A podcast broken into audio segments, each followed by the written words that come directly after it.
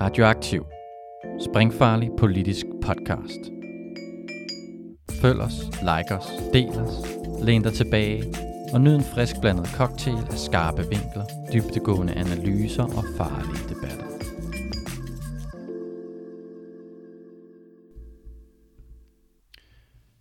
Velkommen til fem samtaler om kapitalismens økonomiske magt, en podcastrække af samtaler mellem Søren Mau og Institut for Vild Analyse. Sørens bog Stum Tvang udkom sidste år og har siden fået en del omtale og skabt en del reaktioner. I instituttet synes vi, Søren har skrevet en god og grundig bog, men ved læsning er vi også stødt på en del spørgsmål, som vi gerne vil undersøge sammen med Søren. Og det er altså det, vi gør i den her række af podcasts, som du nu skal til at høre den første af. Samtalerne er blevet til i en øh, weekend i Aarhus sammen med selvfølgelig Søren Mau, men også fem medlemmer af instituttet. Det er Ella Viberg, Saman Adam Motlak, Sten Tygger, Henrik Jykker Bjerre og mig. Jeg hedder Rasmus Rask. Hvis du ikke er så bekendt med Sørens arbejde i forvejen, kan jeg anbefale dig at starte med at høre de tre podcasts, som vi udgav i november, som introducerer til de grundlæggende tanker i Sørens bog om stum tvang. Dem finder du på vores podcastkanal, hvis du søger efter Institut for Vild Analyse, eller på Solidaritets podcastkanal med navnet Radio Aktiv. Det er også der, du finder denne og de fire andre ud af de fem samtaler om kapitalismens økonomiske magt. Det du nu skal høre i den første af vores samtaler er en teoretisk diskussion af forholdet mellem voldelig magt, ideologisk magt og økonomisk magt. Hvordan er de her tre former for magt forbundne? Hvordan påvirker de hinanden, og giver det overhovedet mening at skille dem ad analytisk? Samtalen er især en diskussion mellem Søren og Sammeren, og Søren han definerer i sin øh, bog ideologisk magt som evnen til at forme, hvordan mennesker tænker, og økonomisk magt som evnen til at forme menneskets materielle omgivelser. Sammeren han kritiserer eller udfordrer i hvert fald Søren på den her skælden, og det gør han med udgangspunkt i den franske marxist og psykos, psykoanalytisk inspirerede tænker Louis Althusser, og hans formulering om, at ideologi netop er en materiel praksis. Senere i samtalen, hvor Henrik også blander sig, udvikler samtalen sig til en diskussion af, hvilken rolle ideologikritik og psykoanalyse i det hele taget bør spille i vores undersøgelser af kapitalismens økonomiske magt. Samtalen den begynder her. God fornøjelse. Vi skal tale om de tre magt, former for magt, økonomisk magt, ideologisk magt og voldelig magt. Og så man kan jo sige, dit claim to fame med den her bog, det er jo nærmest at sige, at øh, den marxistiske forskning har hidtil fokuseret mest på voldelig magt og ideologisk magt, og du viger så dit projekt, dit phd projekt og den her bog til at sige, at der er også den her tredje form for økonomisk magt. Men måske jeg lige kan få dig til at starte med at rise op, hvad ligger der egentlig i de her tre former for magt, altså vold, ideologi og økonomisk magt? Ja, altså som, som, du, som du nævner, så er bogen ligesom baseret på en påstand om, at mange, der har skrevet og tænkt omkring magt, har en tendens til at øh, øh, påstå, at der findes to former for magt. To grundlæggende former for magt, vold og ideologi. Eller, man, altså der findes også andre måder at beskrive den, altså andre ord øh, for at beskrive det, den samme sådan dualitet på. Og øh, og man kan sige, at vold er sådan helt simpelt forstået, så, så er voldelig magt, når man får nogen til at gøre noget ved en trussel om, øh, eller ved at påføre kroppe smerte, eller i sidste ende død, eller en trussel om det. Og ideologi, vil jeg sige, handler om, hvordan vi bevidst eller ubevidst tænker og forstår os selv og vores omverden på, og at man ved at påvirke det, kan øh, udøve magt over nogen. Og, øh, og, og, og, og, min pointe er så, at det, som jeg kalder stum tvang eller økonomisk magt, øh, øh, og som jeg synes, øh, Marx beskriver rigtig godt i sine værker, øh, det er faktisk en form for magt, der ikke rigtig kan forstås gennem de her kategorier, vi normalt for, forstår magt igennem, fordi det ikke, det, det ikke rigtig hører hjemme i hverken ideologi eller vold, men, er en, men udgør en, en selvstændig tredje form for magt, der fungerer ved at påvirke øh, omgivelserne, de omgivelser, som dem, der udøves magt over, færdes i, kan man sige. Så det er ligesom grundtanken, at, at i stedet for at arbejde med den her grundlæggende dualisme, så skal vi have i hvert fald en tredeling af, af, af hvad, hvad magt er, eller hvordan magt kan fungere. Okay, så jeg læser lige en få linjer højt fra din bog her, side 31, og så over til side 32, der står der, øh, jeg citerer dig her, min påstand er altså ikke, at kapitalismen udelukkende beror på stum tvang, eller at der er en historisk tendens til, at andre former for magt forsvinder eller træder i baggrunden. Den teori, jeg udvikler på de følgende sider, har til formål at gøre os i stand til at se, at kapitalens magt er virksom, selv når den ideologiske og voldelige magt er fraværende. Og det får altså allerede mig til at tænke, er ideologisk og voldelig magt nogensinde fraværende? Når man snakker om, om voldelig magt, for eksempel, så er det jo øh, i hvert fald i marxistisk forskning, så det, vil det typisk være statsmagten, tænker jeg. Øh, og statsmagten er jo netop virksom i kraft af sit potentiale. Altså det er sådan noget, som, magt, som statsmagten kan, altså i sidste instans kan statsmagten ligesom smide dig i fængsel, eller tage militæret i brug, eller hvad ved jeg. Men statsmagten er allermest virksom, når den ikke har brug for at gøre brug af vold. Ja, og det er, øh, det er rigtigt. Og, og, og, og altså, jeg tror, jeg, på en måde er jeg også lidt uenig i den formulering, du læste op fra bogen der.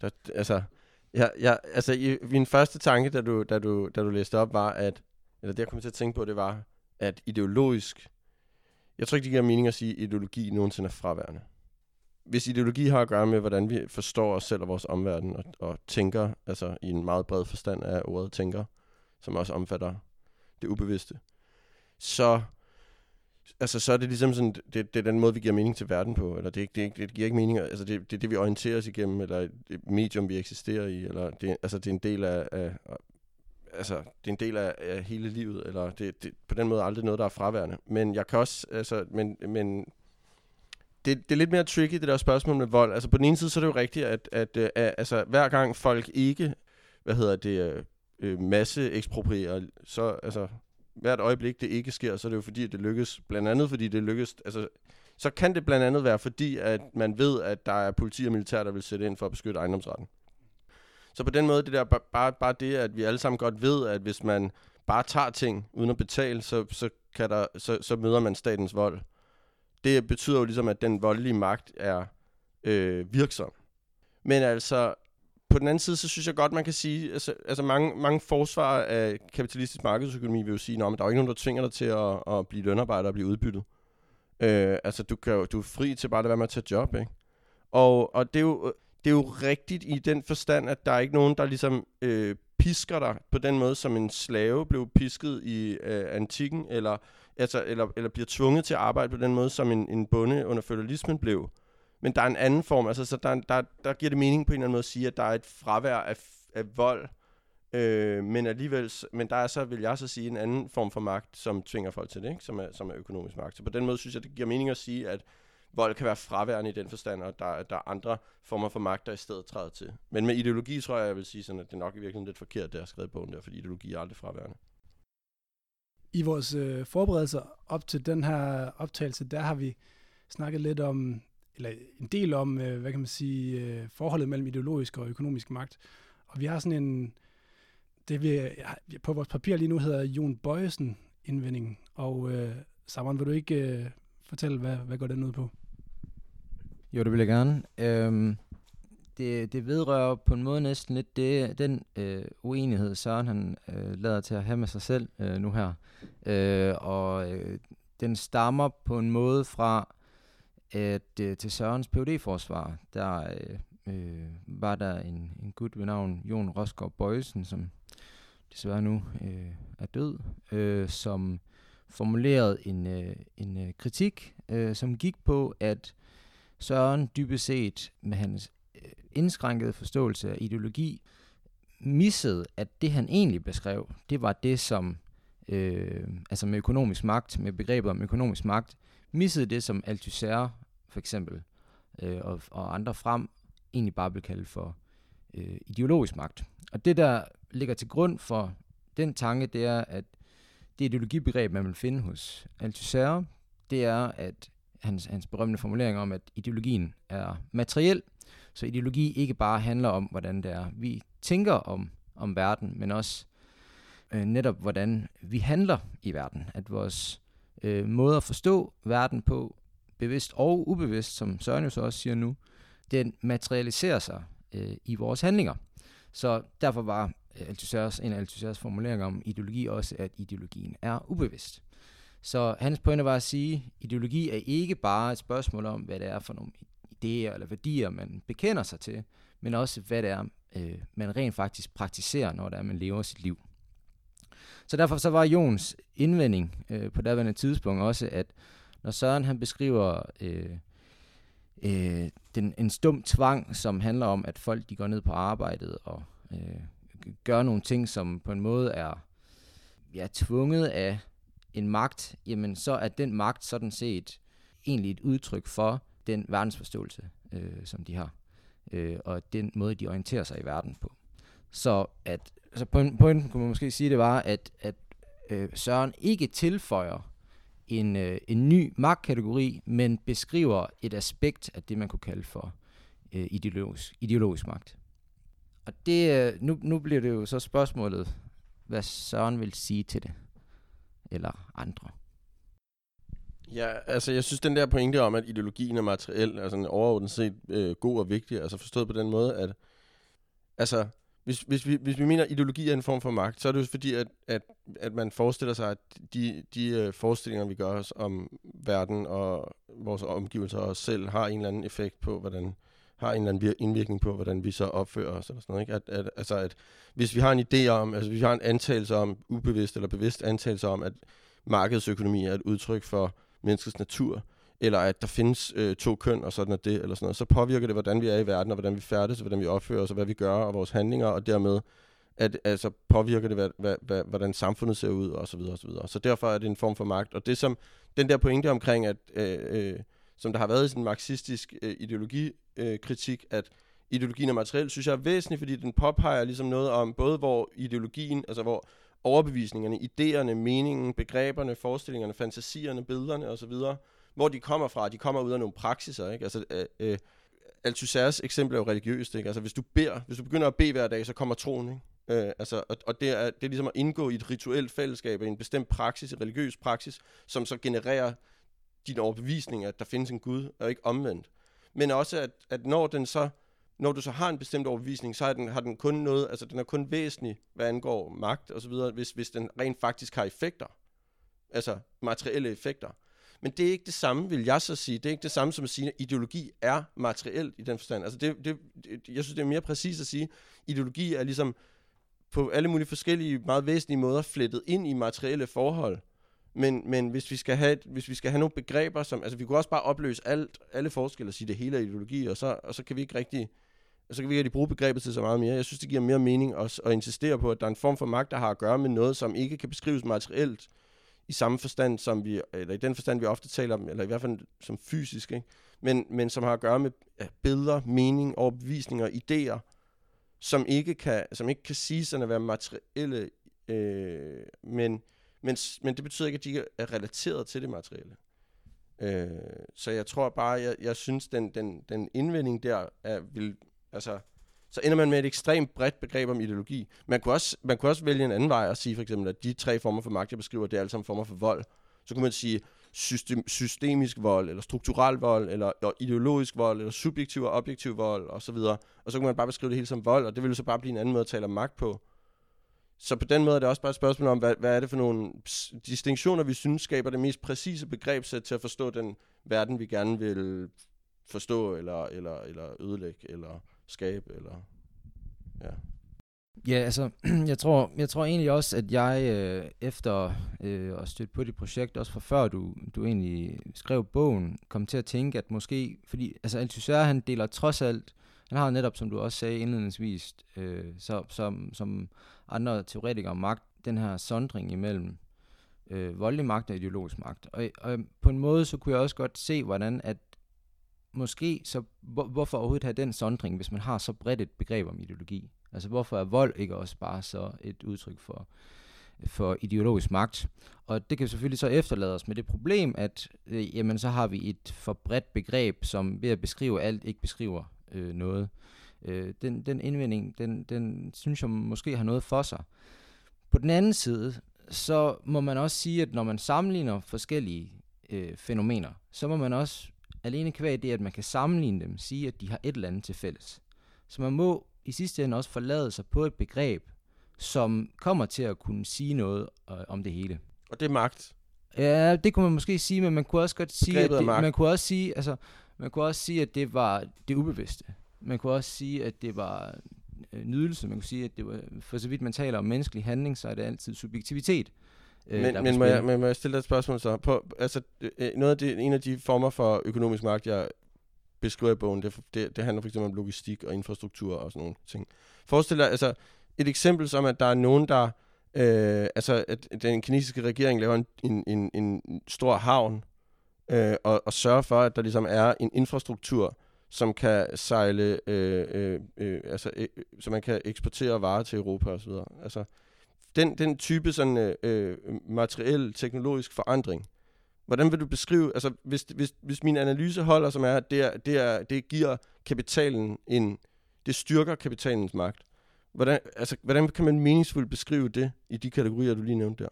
Hvordan kan man meningsfuldt beskrive det som, som ideologisk magt? Det kan jeg ikke se, eller så synes jeg, at vi strækker det begreb ekstremt langt. Jamen, jeg tror egentlig også, jeg er med på, at måske skal man, øh, forholde, altså skal man holde sig til et mere indskrænket begreb om, om ideologi, og så simpelthen sige, at noget af det, Althusser med, med andre øh, sidenhen øh, beskriver, ikke er ideologi, men noget andet. Øh, når du for eksempel siger, jamen det, det, det, det, det begreb, som forener de her forskellige magtformer, det er magt, så er det næste spørgsmål så, jamen hvordan manifesterer magt sig? Magt har jo vel noget at gøre med, at der er nogle subjekter, der handler på en eller anden måde så må man sige, okay, hvad er det så, der går igen på tværs af subjektiv handling? Der må man have nogle beskrivelser. Det kunne man kalde en filosofisk antropologi. Ikke? Hvad, er det, hvad er det, som gør, at mennesker gør noget som helst overhovedet? Og det er jo her, som psykoanalysen, det er der, hvor, psyko, hvor vi i hvert fald tænker, eller nogle af os tænker, at psykoanalysen træder til, og det er jo det, Althusser egentlig gør. Det er, han, han, kunne- jeg tror, at din indvending, en måde at forklare din indvending på, det er, at Althusser, han puster ideologibegrebet op med psykoanalysen. Og det, du egentlig gerne vil, i hvert fald i din bog, det er at trække psykoanalysen ud af ideologibegrebet. Nu bliver du så måske alligevel lidt i tvivl i forhold til at så at sige, at ideologi er ubevidst.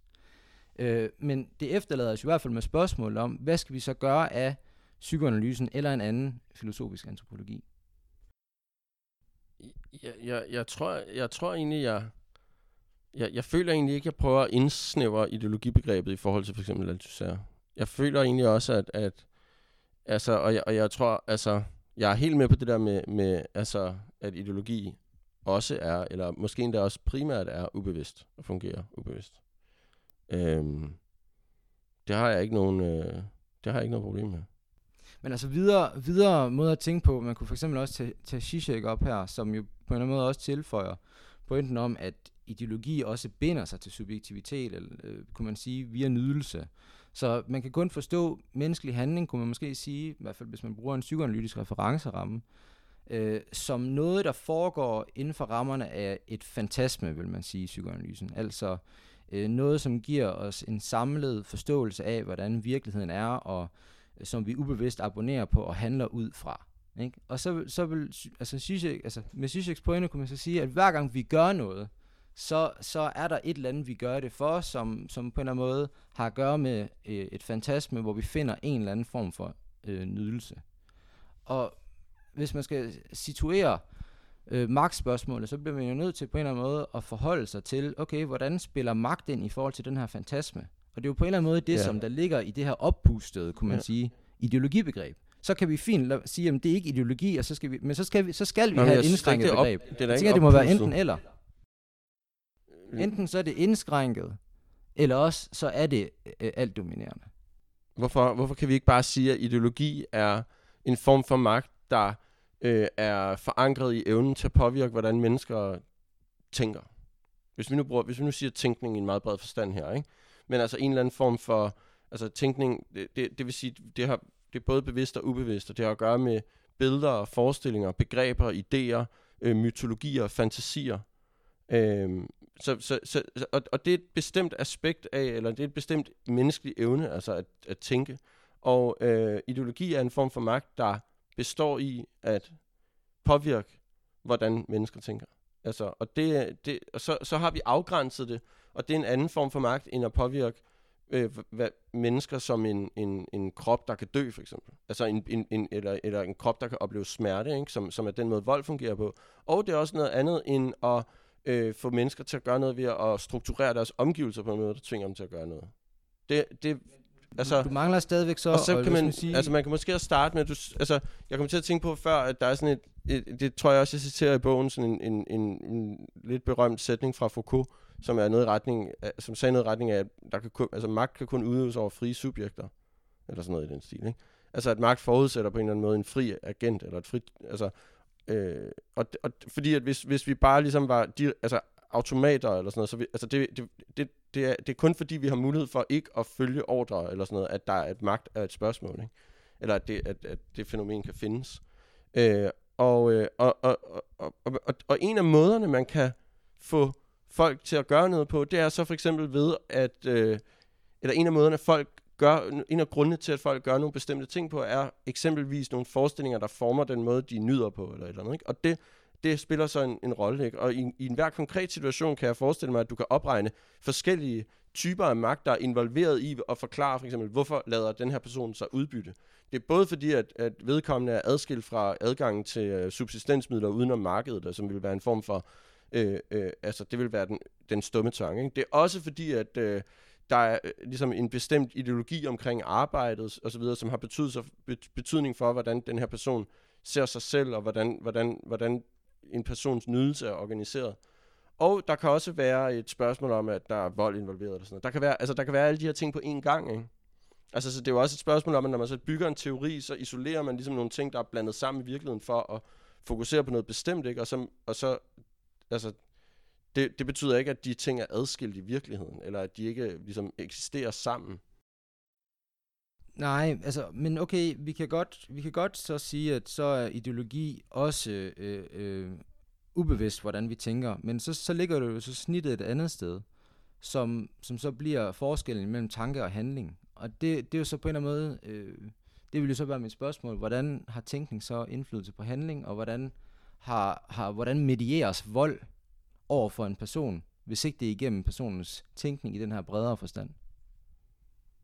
Øh, ja, det, hvordan tænkning og handling er, den er svær. Ja. ja jeg tænker, det er det, det, det, er det problem, du kommer til at stå tilbage med, hvis det er, du ligger snittet der. Og det er derfor, jeg siger, ja, ja. Så, må man, så må man enten have et meget indskrænket ideologibegreb, og så sige, det som Althusser med, med videre øh, beskriver, det er subjektivitet, eller socialiteten, eller sådan noget den stil.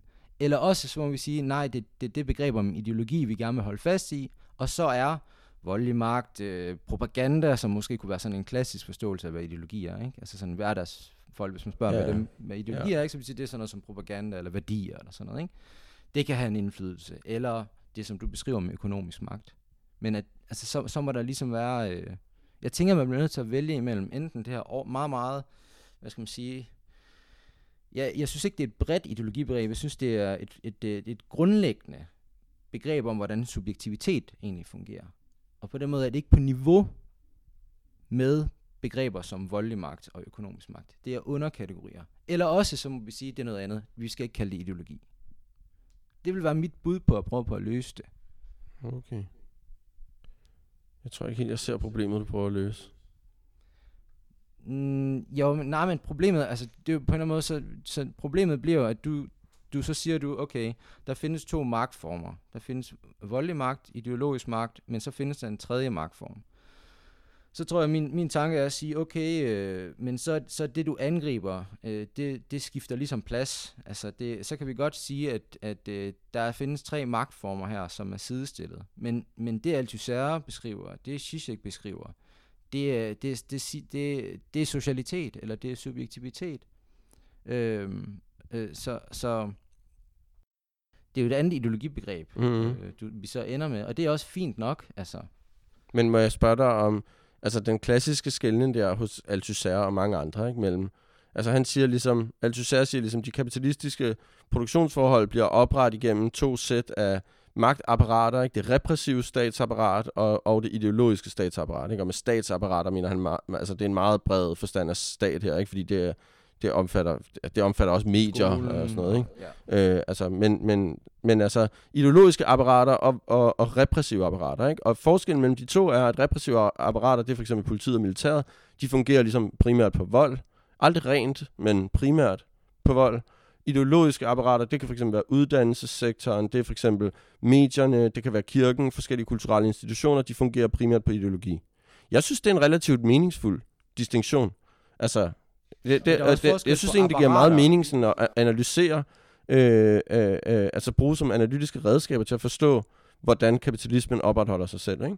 Og, og på en måde kan man sige, at jeg bare bygger videre på den der distinktion. Men synes du så, altså synes du så også, at, at, den skældning, der, der, det, det kan vi virkelig beskrive som to jeg tror, det var, forskellige... det var nok det, som var det mest forstyrrende for mig, da jeg sådan ligesom stødte på det projekt. Det var enten, altså du, jeg tænkte under alle omstændigheder, så er der et eller andet ekstremt vigtigt, øh, rent begrebsigt her, som, som er i spil. Og jeg tror, jeg begyndte også at tænke, at måske var der noget ubegrundet i den der distinktion. Altså, man kan sige, der er også forskel på at tale om voldelige statsapparater, ideologiske statsapparater, og så vold og ideologi. Altså det er, ikke, det er ikke sikkert, at det nødvendigvis er det samme, at man har en institution, som fungerer primært på det ene eller det andet. Øh, og måske kommer Althusser også lidt for let om bare at lave den der distinktion. Han siger jo ikke sådan så meget om, hvorfor at, det, at, det, at de hver især baserer sig på, altså at, at repressive statsapparater baserer sig på ideologi, og vice versa, at ideologiske statsapparater øh, baserer sig på, på repression også. Øhm, så jeg tror, jeg er endt tilbage med en, med en tanke om, at ja, altså hvis, hvis det er rigtigt nok, hvis man skal have sådan en bred forståelse af ideologi, så må det også opsluge øh, repression, altså som magtform. Ja, og så tror jeg faktisk bare, at du ender med at sige, jamen lad os bare tale om ideologi i stedet for magt. Og så er det, på en måde, Ja. så kan jeg, ender, ender jeg jo med at sige, jamen fint nok. Så taler vi om ideologisk ideologi og voldelig ideologi og økonomisk ideologi, og Yes. så har vi bare ligesom, så har vi bare skabt den samme. Og så, og så kommer jeg til at tænke det på, men så er den her uenighed jo bare et spørgsmål om, sådan, hvilke ord vi vælger at bruge. Nej, og hvad er det, det så, vi skal bruge som guideline for det? Det er ligesom, hvad kan, hvordan kan vi bedst øh, øh, forstå verden, eller assistere en revolutionær afskaffelse af kapitalismen? Hvilket begreb sætter bedst til at forsøge at Ja, bortset fra, at det efterlader os så med det videre spørgsmål, synes jeg. Og jeg, jeg er egentlig enig, at, at det, kan, det kan vi sådan set nok godt blive enige om. Det efterlader os med et nyt spørgsmål, tænker jeg, som måske også er, er ret interessant, og som jeg, så vidt jeg ved, så har du også tænkt en del over det, som jo så er, jamen er det så kun de tre magtformer, der er? På en måde så, så kommer dit projekt jo så til at, at ikke bare åbne op for, at der er en tredje magtform, men at der er ret mange andre magtformer måske i spil, hvis Ja. vi har de her indskrænkede begreber. Ja. Ja, ja. Og øh, det er jo ikke noget, jeg... Øh, altså, jeg er ikke helt sikker, men jeg... Okay, jeg vil gerne påstå, at der findes kun tre magtformer. Det er en udtømmende distinktion.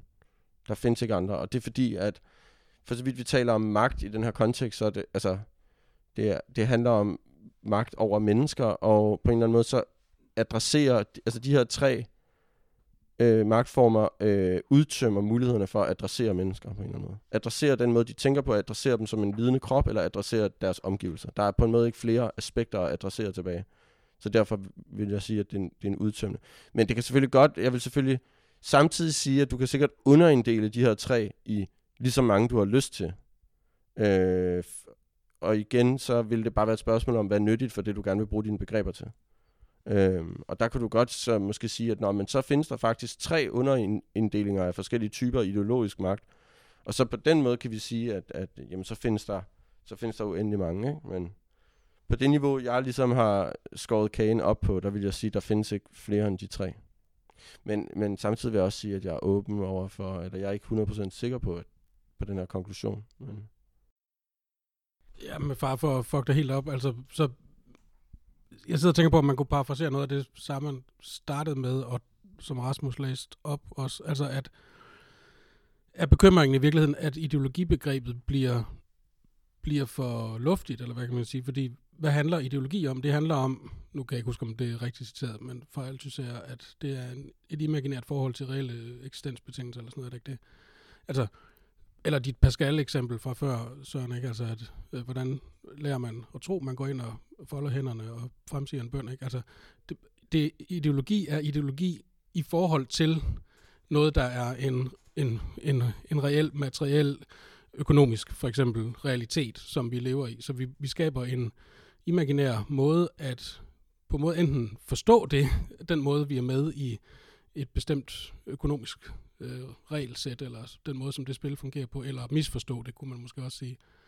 Øh, og, og det, der måske kunne være bekymringen, tænker jeg, det kunne være, at hvis man, hvis man afkobler ideologien for meget fra øh, den økonomiske magt, at så kan det virke som om, at ideologien kommer til at handle om noget andet faktisk, end, end netop hvordan man legitimerer og opretholder selve det økonomiske felts egne spilleregler, så at sige. Ikke? Og at, at det, der, det, som den stumme tvang gør, det er på en måde, hvis man frakobler det fra en ideologisk dimension, eller med psykoanalysen en eller anden nydelsesdimension, eller hvad man nu vil kalde det, ikke? Altså, at så, så mister man noget, der er, der er integreret i, altså essentielt integreret i selve den måde, det økonomiske spil overhovedet kan spilles på, eller fungere på, eller opretholdes på.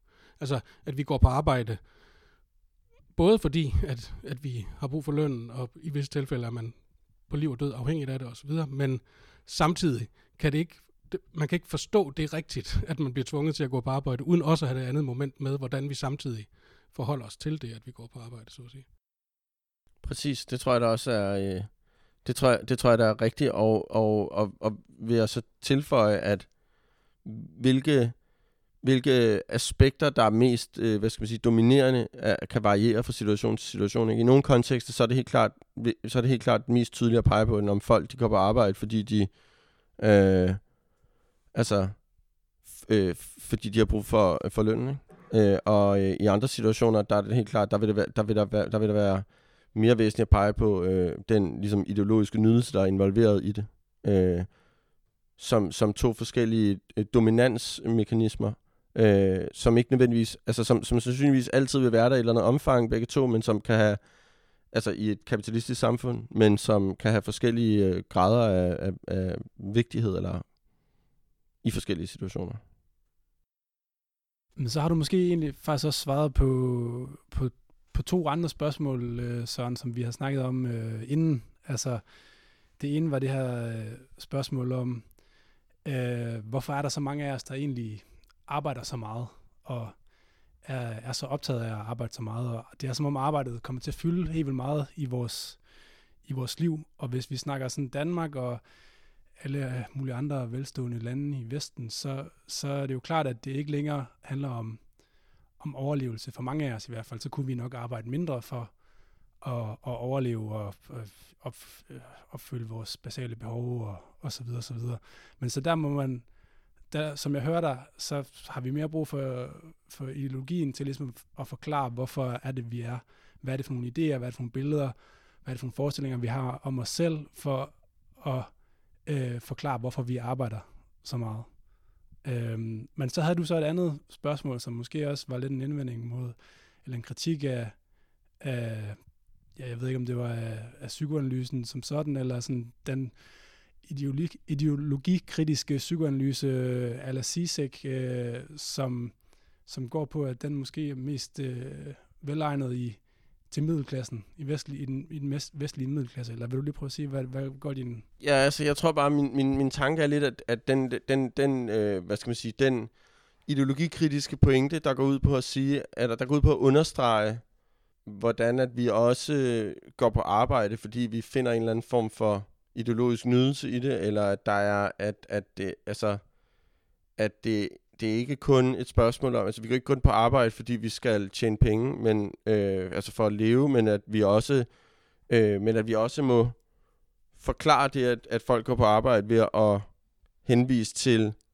ideologisk medierede former for nydelse, for eksempel. Og det tror jeg måske er en forklaringsmodel, som kan være øh, rigtig og sand og vigtig, men som måske også først og fremmest øh, kan forklare nogle, altså først og fremmest kan anvendes på sådan øh, måske sådan øh, prekære akademikerjobs i Vesten, eller et eller andet i den stil. Eller som, altså, som, som har en begrænset forklaringsevne, ikke? Altså, og, og som måske ikke i så høj grad kan forklare, for eksempel, øh, altså det, som på en eller anden måde er ved at blive mere og mere sådan, øh, den typiske proletarfigur i kapitalismen i dag, som er i virkeligheden ikke ansatte, altså uformelle arbejdere i det globale syd i slumkvarterer. Ikke? Altså folk, der er blevet, altså en del af den store udvikling, der er sket de sidste 100 år eller sådan noget, hvor landbruget i, på he, i hele verden ligesom har gennemgået en udvikling, der betyder, at der ikke er brug for mennesker i landbruget mere nærmest, så de, så de, så de kommer ligesom ind til byerne, og, og der er heller ikke, de sidste 50 år har kapitalismen ligesom ikke haft det særlig godt på den måde. de har ikke, der har ikke været industri, der har kunne opsuge alle de her mennesker, ikke? så der eksisterer ligesom bare sådan en relativ overskudsbefolkning i, i sådan, et, sådan et, en hel masse folk, der bare ligesom forsøger at overleve gennem forskellige markedsmedierede former for arbejde, men, men ofte ikke som ansatte, men i stedet for som, øh, som øh, skopusser på gaden, eller sælger frugt, eller, eller, eller vasker biler på gaden, eller et eller andet. Ikke? Altså, og der tror jeg bare, at den type analyser måske ikke har lige så meget forklaringskraft. Jeg kan sagtens se det der med sådan, at, at der, er en masse, altså, der er en masse arbejdere i Vesten, øh, som øh, lader sig udbytte øh, og opsøger udbytning, hvor, at, hvor det er helt klart utilstrækkeligt bare at pege på, at de gør det for lønnen, fordi at der er også en masse, ofte altså en masse arbejde, der slet ikke er lønnet, eller der er også en masse andet involveret i det, og, øh, og der mener jeg, at den type sådan ideologikritiske analyser er passende og gode, men det, jeg tror bare, det, jeg synes bare, det har en begrænset anvendelighed. Måske knytte en enkelt i hvert fald kommentar til det, men det, fordi der er noget, som jeg godt kan lide, som du gør i din bog, at du hele tiden sådan er meget streng omkring, at hvilket abstraktionsniveau taler vi på, og som du også sagde før, altså nogle måder at analysere på er måske relevante i en sammenhæng, og mere øh, øh mindre i en anden sammenhæng osv. Og det gælder jo selvfølgelig også med nydelse her, men, men, men jeg tror, det som det første, vi må, vi, vi må insistere på, kan man sige, det er, at nydelse er ikke et, et begreb, der handler om, at man synes noget er rart, for eksempel, eller det er behageligt, eller at man får en eller anden form for selvrealisering, eller føler sig anerkendt, eller sådan et eller andet. Det er det, hvis det er det, der ligger i sådan den vestlige verden, sådan kreativ kapitalisme og hele den der jargon der omkring det. Ikke? Altså, nydelsen i den psykoanalyse forstand er jo noget, der kan være, og ofte er ekstremt pinefuldt, altså, og som har at gøre med på en måde at finde en eller anden form for, øh, måske nogle gange faktisk netop at finde bare en eller anden form for minimal form for sammenhæng i noget, der desperat ubehageligt, for eksempel. Eller at finde sammenhæng i, at det er desperat ubehageligt. Ikke? Altså, og i den forstand, så er det for det første, kan man sige, hvis det, hvis det fra psykoanalysens perspektiv betragtes som sådan mere eller mindre universel subjekt, øh, subjektiv kategori, kunne man sige. Så er det i hvert fald noget, vi ikke kan fraskrive nogen mennesker, om de så arbejder i Bangladesh, eller om de er arbejdsløse i Afrika, eller, eller om de arbejder på kontor i, i øh, Højbjerg. Altså, øh, så der, der må være det, kan man sige, til fælles. Ikke? Og så, så det andet vil så være selvfølgelig, og der, der vil jeg også sige, der har du ret i, at, at der er en meget mange flere forskellige måder at lave den der ideologikritiske nydelsesanalyse og sådan noget i, i visse typer af samfund, hvor den økonomiske magt ikke spiller den samme dramatiske rolle for mange mennesker i hvert fald. Men altså, jeg synes alligevel er der også et interessant spørgsmål at stille sig i virkeligheden. Hvad betyder det for altså man kunne også vente om at sige, at øh, de mennesker, der lever under ekstremt barske vilkår, og som ligger på, på randen af, af eksistensen, ikke? Øh, bogstaveligt talt, altså på liv og død, hvorfor gør de, hvor, hvorfor tager de, begår de ikke selvmord? Altså, der ligger på en måde spørgsmål også om, hvad er det, der gør, at man ikke desto mindre øh, holder fast i livet, så at sige, eller holder, holder fast i en eller anden form for idé om, eller håb om, eller en tro på, eller et eller andet om, at det kan give mening, og at jeg må finde en måde at få det her til at hænge sammen for mig selv, og forklare det til mine børn, og tro på, at de kan få en bedre uddannelse, end jeg fik, eller sådan et eller andet, selvom der ikke er noget, der taler for det, så at sige. Ja, jamen det synes jeg, det giver mening, og jeg, og jeg kan, jeg kan sagtens følge tanken om, at hvis, hvis jeg har forstået det rigtigt, at hvis nydelse, altså hvis en, en eller anden form for organisering af nydelse er en, antropologisk grundvilkår, eller altså det er en del af, hvad det vil sige at være menneske, altså så, så, så er det noget, der på en eller anden måde er involveret i, altså, eller nødvendigvis er et aspekt af alle menneskers liv, uanset hvor de er. Ja, fordi så kunne man sige, så er der to, det er jo selvfølgelig sådan lidt karikeret sagt, ikke? to typer af fejl, man kunne begå i forhold til den fattige arbejder i sweatshop i Bangladesh. Ikke? Den ene vil være at sige, hun nyder på samme måde som mig, og derfor så kan vi nu lave vores øh, Nike Coke et, et eller andet analyse på hende, ligesom mm. på, på os. Men den anden fejl vil jo være at fraskrive hende enhver form for lighed med vores måde at nyde på, så at sige. Ikke? Altså at sige, du er jo ikke involveret i det her, hele det her postmoderne ideologiske nydelsespil, som, som vi er. Så derfor så kan vi kun beskrive dig i rene sådan økonomitermer. Øh, ja, ja. Du, du har på en måde ikke nogen subjektivitet, ja. så at sige. Det tror jeg vil være en lige så stor fejl. Ja, det tror jeg også. Og der slutter den første af vores fem samtaler om kapitalismens økonomiske magt.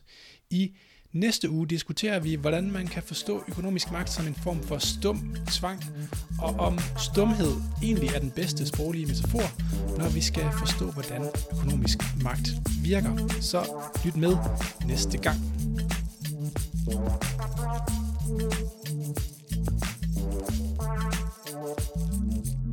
Åh oh ja. Inden du smutter, husk nu lige at følge Radioaktiv. Vi er på Facebook, Twitter, på SoundCloud eller i din podcast-app. En række af vores podcasts udkommer også som video på YouTube. Du må også gerne dele os med dine venner. Hvis du er ellevild, så kan du gå ind på solidaritet.dk og blive medlem af vores medie.